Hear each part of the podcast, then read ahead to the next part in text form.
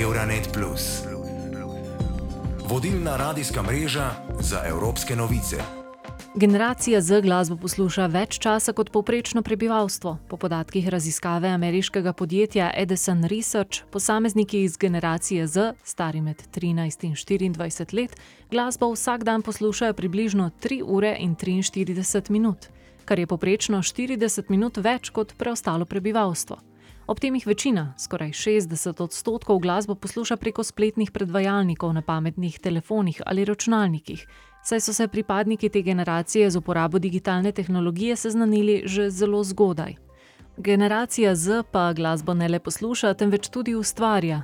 Ali zaradi digitalizacije to lahko počne vedno lažje in hitreje? Kaj so prednosti in kaj izzivi, s katerimi se soočajo? Novinari radijske mreže Euronet Plus smo o tem, kako digitalna preobrazba vpliva na glasbenike, vprašali ustvarjalce generacije Z. V generacijo digitalnih domorodcev spadajo tudi vsi štirje člani skupine Regen. Glasbeniki iz Ljubljane so znani po svoji medžanrski identiteti, ki prepleta intimne in melankolične zasanjene melodije z živahnimi ritmi in instrumentali, ki spominjajo na 80. leta prejšnjega stoletja. Ustvarjanje glasbe, ki se ne drži strogo enega žanra, je prav tako ena opaznejših lastnosti glasbenikov generacije Z. Odločitev za to pri Regen ni bila sidrana v marketinških vzgibih ali rezultatih podatkovnih analiz, pove kitarist skupine Gašper Sedej. Mislim, da imamo načeloma vsi glasbeniki pač v osnovi zelo radi glasbo, ne? kar pač, hvala Bogu, tudi moč šmetne, če se nekako s tem ukvarjaš. In s tem v bistvu pride tudi to, da poslušaš vse sorte glasbe, pač od tiste, ki ti niso najbolj, kako bi rekel, primarno domačene, pa, pač do takih, ki jih pa slišiš vsak dan. Ne. In iz tega pol na koncu formiraš pa recimo nek ta svoj stil, um, ne vem, sound, če bi tako, se tako izrazil. Zaradi digitalizacije in posledične vsesplošne dostopnosti platform za predvajanje, pa tudi javnosti dostopne tehnične in programske opreme za snemanje glasbe, ni nič čudnega, da se marsikatera skladba dan danes posname kar pri glasbenikih doma, na kavču. Mlada bolgarska jazz glasbenica Velika Cankova je v intervjuju za bolgarski radio BNR povedala, da meni, da so glasbene platforme in dan današnji sodobni načini distribucije glasbe umetnikom v pomoč. Za muzikate specialno, spored men. Tako je veliko lažje in dostopneje za vse, ne glede na to, iz katere države ali mesta so, da pridejo do vas in slišijo, kaj ponujate kot umetnik. A koncerti bodo zame vedno ostali nekaj najlepšega in najbolj pristnega: srečanja z glasbo glasbeniki. Vsekakor družbena omrežja, glasbene platforme, vsi tisti radiji, ki nas podpirajo, kot je bolgarski nacionalni radio, pa tudi Jazz FM. To so radijske postaje, na katere se lahko zanesemo, saj predvajajo našo glasbo. In to so stvari, ki zagotovo pomagajo, saj tako naša glasba doseže več ljudi. Obstaja pa še druga plat kovanca, izpostavi vokalistka in kantautorica skupine Regen Gaja Kuščer. Po mojem mnenju je en večjih izzivov to, da se zelo z lahkoto izgubiš v tem morju prenasičenosti tega trga in je potem velik izziv lahko to, da dosežeš nekako svojo ciljno publiko in se, se ne zgubiš v tej množici. Podobno pove Mateo, mladi belgijski DJ, ki so ga intervjuvali pri francoskem EU-radiju. Ovire, bi rekel, so bolj ali manj enake za vse mlade umetnike. Toliko je ljudi, ki začenjajo z glasbo, da se resnično utapljamo v oceanu glasbenih izdaj in zelo težko je izstopati iz množice. Rekel bi, da so moje prednosti to, da sem dobro obkrožen, odločen in da že imam nekaj veščin zaradi svojega usposabljanja, ki mi omogočajo, da dobim določeno kakovost zvoka, ne da bi moral iti prek strokovnjakov. Glasbeniki morajo danes poleg audio veščin pogosto vsaj malo poznati tudi druge vloge. Roberta Caetana, pevca in kitarista portugalske indie skupine First Breath After Coma, je intervjuvala Beatriz Rodriguez Lopez, portugalskega radio Renesansa, kjer je povedal, da se je s prihodom digitalizacije marsikaj spremenilo. To je ustvarilo nov val neodvisnih glasbenikov, ki morajo dan danes dobičkonosni biti do te mere, da počnejo delček vsega, kar spada v poklic umetnika. Naročanje, produkcija novih oddaj, ustvarjanje glasbenih videospotov. Umetnik je vse bolj upleten v procese in se distancira od večjih. Če delaš z uglednejšimi založbami, postane manj donosno.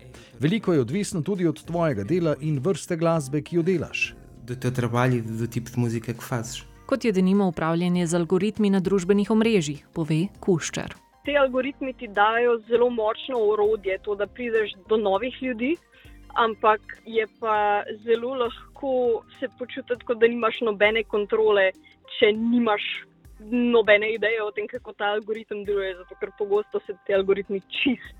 Mislim, ni nobenih pravil, ni nobene logike za tem, kaj bi ti mogel narediti, in lahko je ali plus ali pa minus.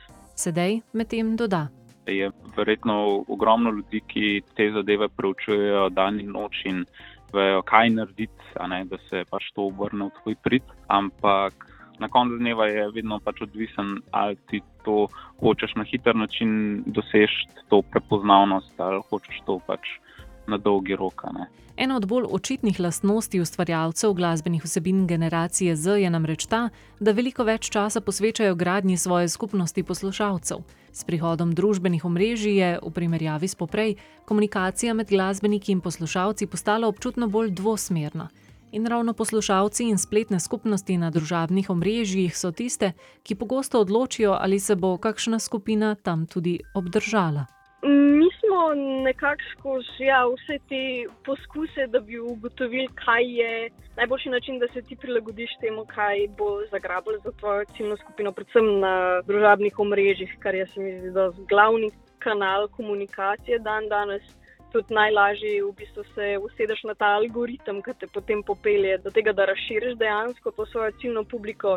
Mi smo nekako se po eni točki odločili, da se bomo nehali mučiti s tem, da smo nekaj, kar nismo in smo samo čim bolj sproščeno pokazali svoj karakter kot ljudje in to svojo strast do tega, kar delamo.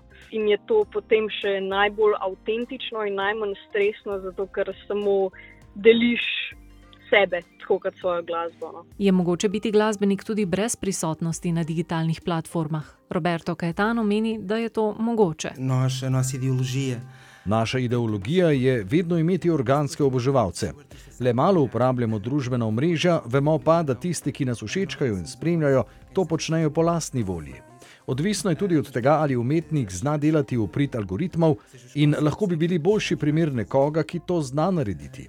Družbene medije uporabljamo kot sredstvo za promocijo dogodkov in ne toliko kot sredstvo za preživetje v glasbeni industriji preko družbenih medijev. sobrevivência na indústria através das redes sociais. Niso odvisni od založb, poudarjajo pa, da jim to prinaša veliko več dela in da je le včasih dobičkonosno. Sim, eu acho, eu acho que isso acontece. Da, mislim, da se to zgodi pogosteje, kot si mislimo.